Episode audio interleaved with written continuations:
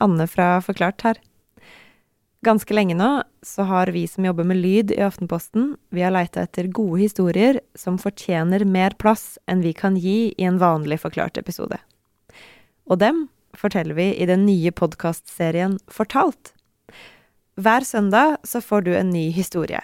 Du får høre fra hun som for første gang delte en mørk familiehemmelighet, om to menn som nådde hver sin bunn og hjelper hverandre opp igjen, og du får høre om småbarnsmora som levde et drømmeliv, bare at det var ikke hennes drøm. Denne første episoden den ligger her i Forklart-feeden, men fra og med neste søndag så finner du fortalt eksklusivt i Podme og i appen til Aftenposten. Et brev i en lukka konvolutt kan være ganske innholdsløst og kjedelig. Som regel så er det bare en regning eller informasjon fra kommunen ja, hvis ikke det er et kjærlighetsbrev, da. Men det er ikke så ofte man får et brev lenger. Og i hvert fall ikke et håndskrevet et. Et brev er helt sentralt i historien du skal få høre. Det var bare fem linjer langt, skrevet for hånd, med blyant. Da kvinnen som skrev det, bretta arket sammen, frykta hun at mottakeren ikke engang ville lese det. Men livet, det kan ta noen vendinger man ikke klarer å forestille seg. Jeg heter Kjetil Bjørgan. Du hører på den aller første episoden av Fortalt, en podkast fra Aftenposten. Hver uke får du en ny historie fra oss. Her får du historien om brevet. Anette Aasheim har møtt hun som skrev det. Jeg kom jo da inn på det avhørsrommet eh, der hvor det da sitter en mann. Yes. Ja. Da var det oss. Det første han sa, det var Hva er det som har skjedd? Hva er det som har skjedd? For noen år siden så måtte kvinnen du hører her, fortelle politiet om en hemmelighet hun hadde båret på siden hun var liten jente. Fordi historien også handler om andre personer, så må hun være anonym. Jeg har lyst til at du selv skal gi deg et annet navn. Kult. Hva har du lyst til å hete? Jeg veit ikke. Hvem ser jeg ut som, da? Jenny, for eksempel. Ja, da blir det Jenny. Jenny er i begynnelsen av 30-årene og jobber som håndverker. Hun bor i en by i Norge i fjerde etasje i en høyblokk. Her bor hun sammen med datteren og noen lekende og loddende katter. Den lille familien liker å ha besøk, eller bare kose seg i sofaen med taco og en TV-serie. Selv vokste hun opp i en familie som ofte møttes. Tanter og onkler, kusiner og besteforeldre. Jenny elsket når alle var samlet. Vi satt alle, altså hele familien rundt det bordet i stua og spiste middag. Når det var selskap, det var det beste minnene jeg har der. Den som snakker høyest, den blir hørt. eh, barna løper rundt. Alle liker maten. Sitter der lenge. Så pleide jeg å sitte typ i midten av det langbordet. Jeg hadde en personlighet som, som var at jeg tulla mye. Jeg fikk folk til å le. Eh, og, og, det gjorde det at jeg bare fortsatte og fortsatte. Til det nesten ikke var pust igjen av noen rundt bordet som lo. En av dem sa at eh, jeg kom til å bli en veldig god komiker. Hvis jeg fortsatte sånn.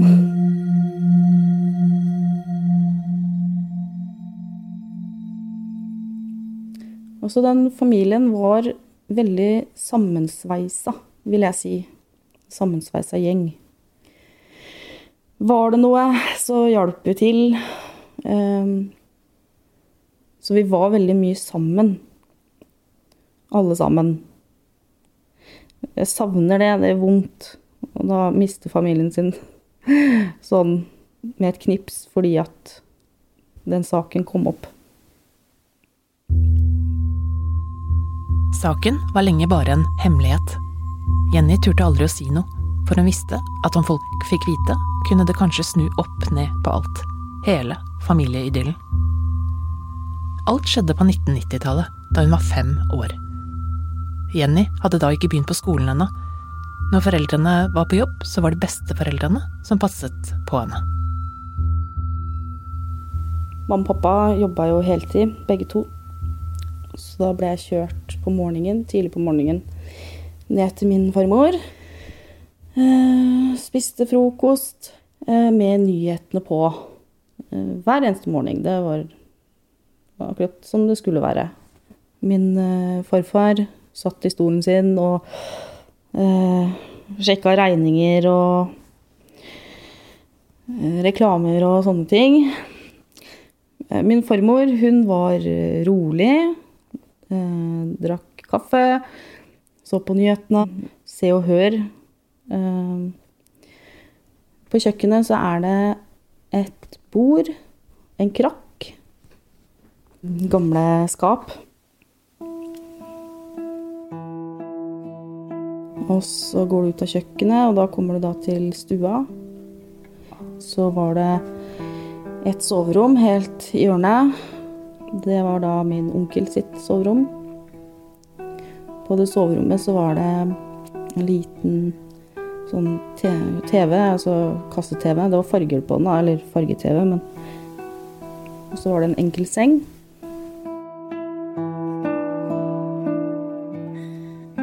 I leiligheten så bor også onkel til Jenny. Han nærmer seg 30 år, men bor fremdeles hjemme på gutterommet. Han er en stille fyr, men når familien er samlet, så hender det at han hever stemmen når han blir engasjert. Hvis han ikke setter seg ned og bygger Lego med barna. Han liker det, og det hender at han har med seg gaver til dem. Klistremerker, for eksempel, eller kanskje noen smykker. Så her, i denne leiligheten, er altså Jenny hver dag. Jeg Ble jo da litt eldre, og da fikk jeg lov til å være ute alene. Eh, utenfor, liksom. Og det var sånn, hun hadde liksom utsikt utover gressplenen og lekeplassen og den store steinen på toppen. Eh, og der var jeg mye. Jeg, jeg ville bare, jeg ville helst bare være ute, eh, husker jeg. Men da husker jeg hun kom ut hele tida på balkongen og skulle se etter meg. Og det gjorde hun ganske ofte.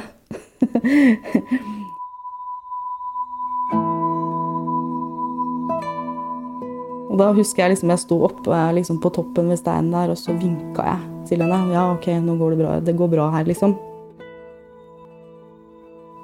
Farmor er ikke så god til å slenge seg rundt i klatrestativet, men hun er god til å passe på Jenny og sørger hele tiden for at hun har det bra. Men det er likevel én ting hun ikke helt klarer å fange opp. Eh, Åssen skal jeg begynne? Eh,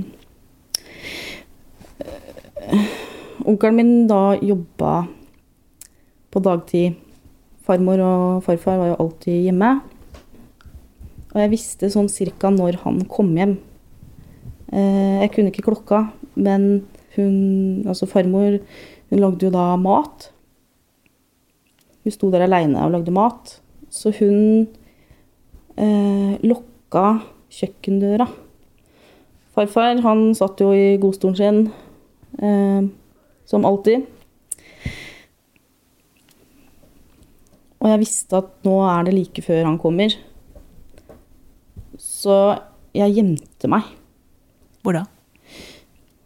Jeg, jeg gjemte meg under sofaen, for der satt jo farfar. Så jeg tenkte at der må det jo være trygt. Han må jo se at han driver og leiter etter meg der. Men han fant meg jo. Dro meg ut, da. Så det var på en måte en jakt. Jeg blei jakta på.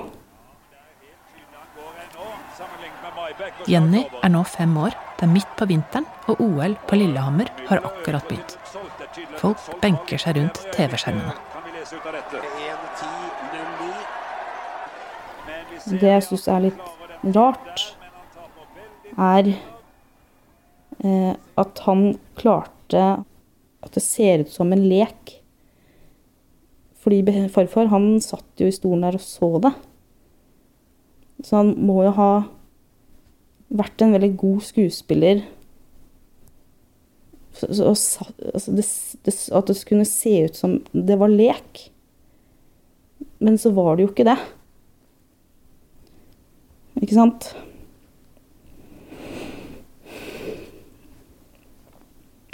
Når han fikk tak i meg, så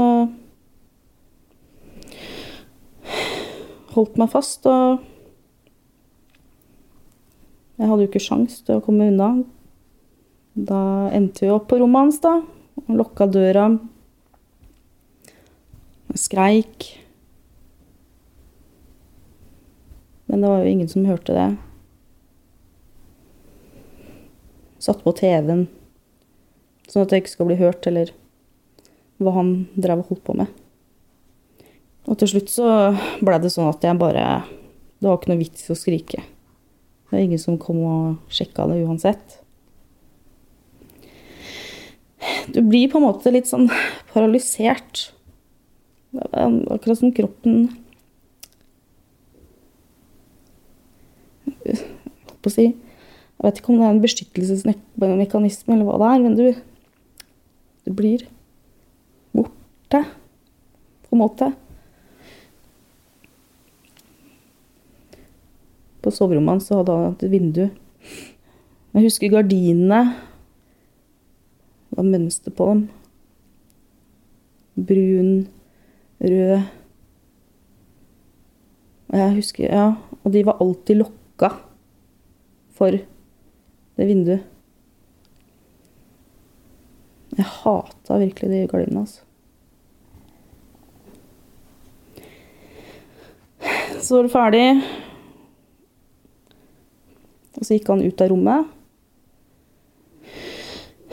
Og så husker jeg at han vaska alltid hendene sine etterpå. eh, På badet. Og så satte vi oss ned, og så spiste vi middag.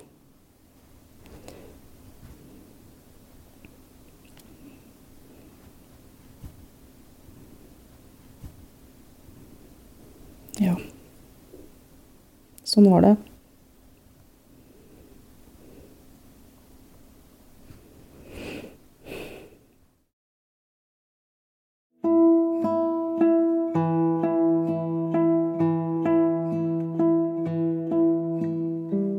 Jeg fortalte det til min farmor. Eh, Da var jeg rundt fem år. Eh, Jeg sa det kort. Det var av få ord. Hvis det var vanskelige ting. Onkel, ta meg på tissen. Det var det jeg sa. Da husker jeg hun sa så på meg. Hæ? Jeg hørte ikke hva du sa. Eller hva sa du nå? Så gjentok jeg det jeg hadde sagt. Det var kort, men hun kunne ikke misforstå. Så hun tok da opp telefonen, ringte min onkel som var på jobb. Og han løy jo og sa at nei, det stemmer ikke. Og da Ja, jeg blei jo ikke trodd, da. Og så blei det ikke mer snakka om. Det var liksom akkurat som det ikke hadde skjedd. Men jeg trodde at det var jeg som hadde gjort noe gærent. Så jeg angra Jeg angra meg, da. Skamma meg, på en måte.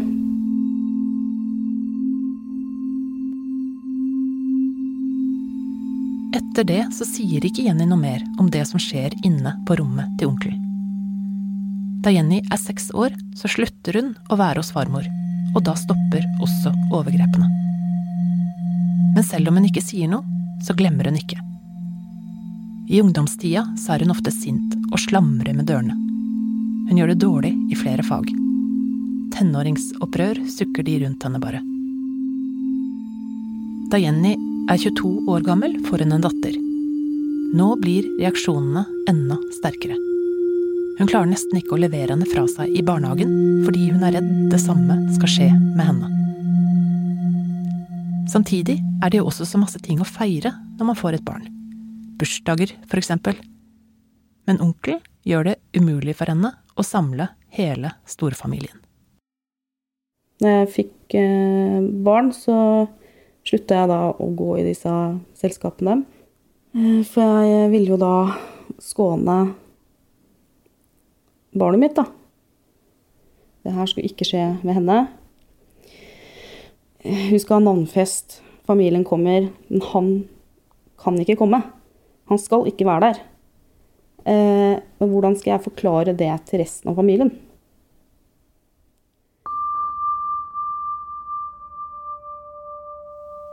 Jenny har nå ett sterkt ønske. Hun vil sitte rundt bordet og spise middag og kake sammen med familien igjen, og hun får plutselig en idé. Hun må få onkelen til å innrømme hva han gjorde med henne da hun var fem år. Så uten å vite hva det faktisk skal føre til, så bestemmer hun seg for å skrive et brev til ham.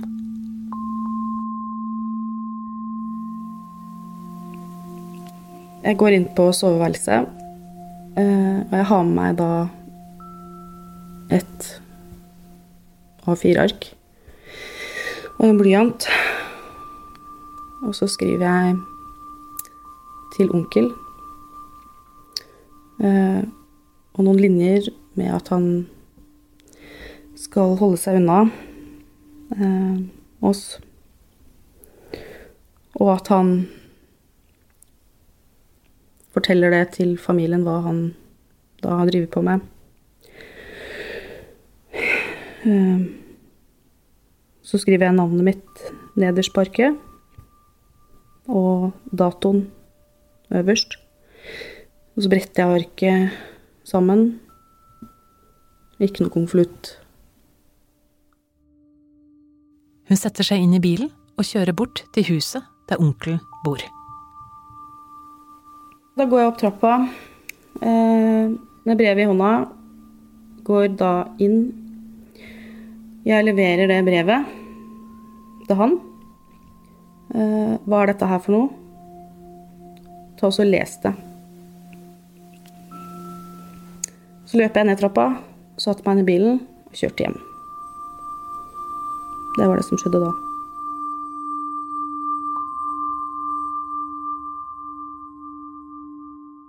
Etter han har fått brevet, så går det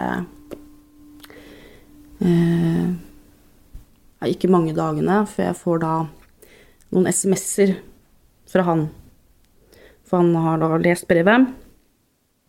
Onkel hadde lest brevet hennes, og meldingene han sendte, de ligger fremdeles på telefonen hun brukte den gang. Skal får se om den lever, da. Hei på deg. Sender en melding til deg og forteller at jeg har lest brevet i går. Og håper du forstår at det ikke er lett å skrive under på et brev om overgrep. For det kan bety så mangt. Men jeg forstår jeg har gått altfor langt med dere mens dere var små unger. Hvis du ikke har lyst til å ha kontakt med din onkel, så kan jeg bare si unnskyld. Ha en riktig god jul.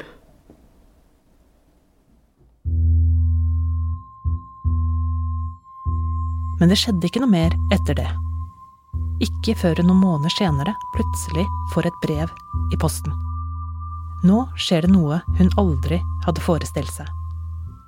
For etter at onkelen leste brevet hennes, fortalte han selv til en bekjent hva han hadde gjort med Jenny da hun var liten. Han sa også at han hadde forgrepet seg på to andre barn. Nå er han anmeldt. Eh, vi får brev i posten. At vi må møte til eh, avhør. Det er 18 år siden hun fortalte farmoren sin om overgrepene. For første gang skal hun nå fortelle om det som skjedde inne på rommet til onkelen da hun var fem år. Hun aner ikke hva hun skal si til politiet, og tenker at saken den er vel altfor gammel. Jeg husker at den veien opp til eh, ved hovedinngangen der, den var veldig lang. Eh, jeg kom inn der og blei da tatt imot av eh, en, en person som da skulle eh, avhøre meg. Politibetjenten som skal avhøre henne, er en mann i olabukse og joggesko. Han åpner døren inn til et lite rom med to grå lenestoler og et lite rundt bord. På et videoopptak som ble gjort den dagen, ser man at Jenny biter seg nervøst i leppen før hun setter seg ned på stolen. Vil du skal jeg fylle opp et glass vann til deg? ja. Yes. Ja. Da var det oss. Jeg var så redd. Husker du hva du var mest eh, redd for? Jeg var vel redd for å ikke bli trodd. Når det kommer til tid vi har til dette, så har jeg ingen andre planer i dag. Jeg visste ikke hvor jeg skulle begynne. Det første han sa, det var Hva er det som har skjedd? Hva er det som har skjedd? Ehm, jeg eh, ble jo passet på av ehm, min bestemor. Og eh, ja Så vi blei sittende der en stund. Uh, og da fortalte jeg da hva han hadde gjort da. Hvor mange ganger skjedde dette? her? For å være helt ærlig så um, husker jeg ikke hvor mange Jeg kan ikke telle hvor mange ganger det var. Uh, annet enn at det skjedde flere ganger. At det var en rutine.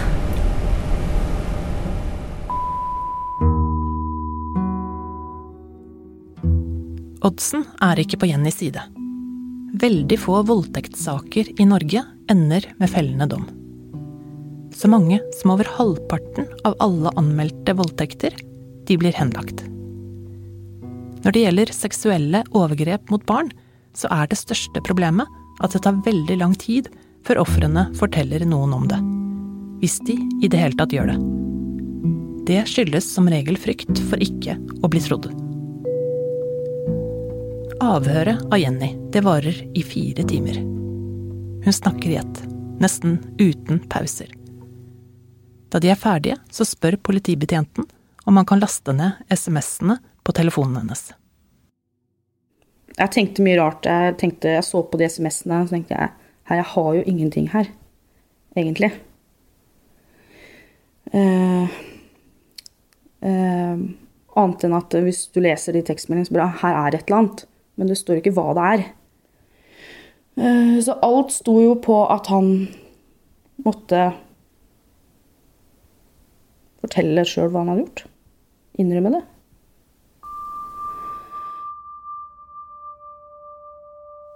To dager er satt av til rettssaken. Den starter i oktober 2013, nesten 20 år etter at overgrepene startet. Hun gruer seg. De siste ukene har hun knapt klart å sove. Jeg kom inn i rettssalen, og da brøyt jeg jo sammen. For det var så mange mennesker der. Kjente ingen. Så var jeg ganske dårlig. Jeg skalv. Jeg visste ikke hvor jeg skulle begynne.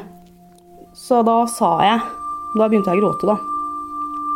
Da, da sa jeg sånn Dere må hjelpe meg, sier jeg. Og det, det forsto, det forsto de jo. Så da fikk jeg liksom bare spørsmål. Ok, start fra starten av, så det du husker. Jenny må stoppe mange ganger. Flere ganger så bryter hun sammen. Da hun er ferdig, så setter hun seg tilbake på stolen sin. Hun bestemmer seg for å bli sittende. Det er onkelens tur. Han går opp til vitneboksen og begynner å svare på spørsmålene. Til alles store overraskelse så forteller han nå i detalj om alt han gjorde med Jenny inne på soverommet foran TV-en. Også ting som Jenny selv ikke husker. Eh, advokaten min. For jeg, jeg satt og så nedi pulten, eller noe sånt, og så dytter hun borti meg. Og jeg bare Hva er det for noe? Hvisker hun meg i øret, så sier hun Se opp nå. Se de som sitter på, på benken der og skal høre på. Og de satt sånn med åpne munner. Men for Jenny er det ett spørsmål som er viktigere enn noe annet å få svar på. Så, så husker jeg spurte sånn mot slutten, da. Eh, Vet mamma og pappa om hva du har drevet på med? Så tenkte jeg sånn Ok, eh, det vil knuse meg hvis det er tilfellet, men jeg må, jeg må bare vite det. Så svarte han på det spørsmålet. Nei, vi visste ingenting. Jeg bare Det Ja. Eh, lettelse, ja. Men å stå der Det er gjort noe med deg når du spør om mamma og pappaen din veit noe eller ikke, ikke sant? Um, det skal ikke være nødvendig å spørre om det, men du gjør jo det. For det har jo blitt svikta før av familien, ikke sant?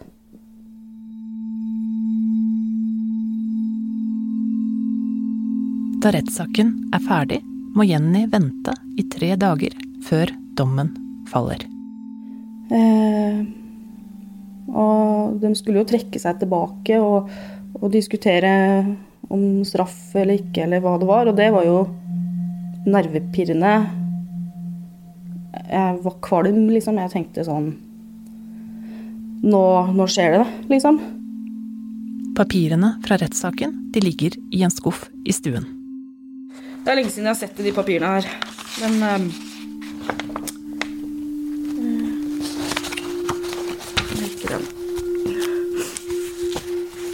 Retten har lagt avgjørende vekt på at jeg har gitt en konkret og troverdig forklaring om at hun flere ganger ble tvunget inn på tiltal uten egen vilje. Og at det ikke hadde noe med lek å gjøre. Det legges i skjerpende retning vekt på at tiltalte har begått forkastelige handlinger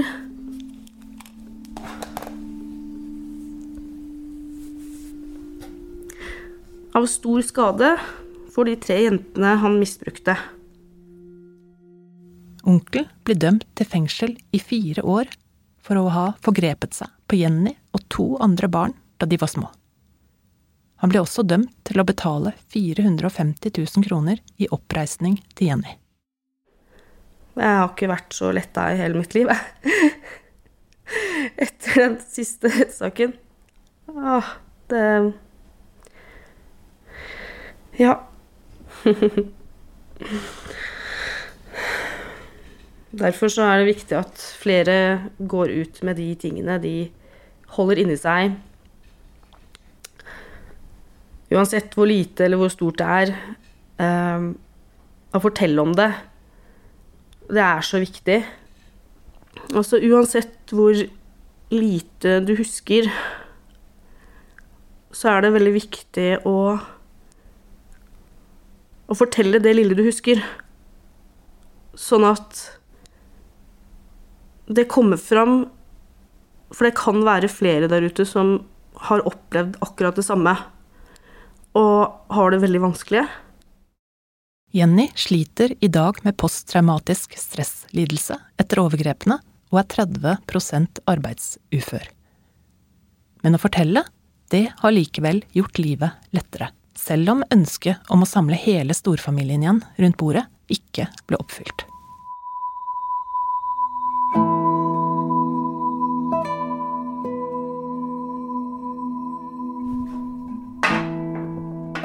Hvem er det du dekker til rundt bordet?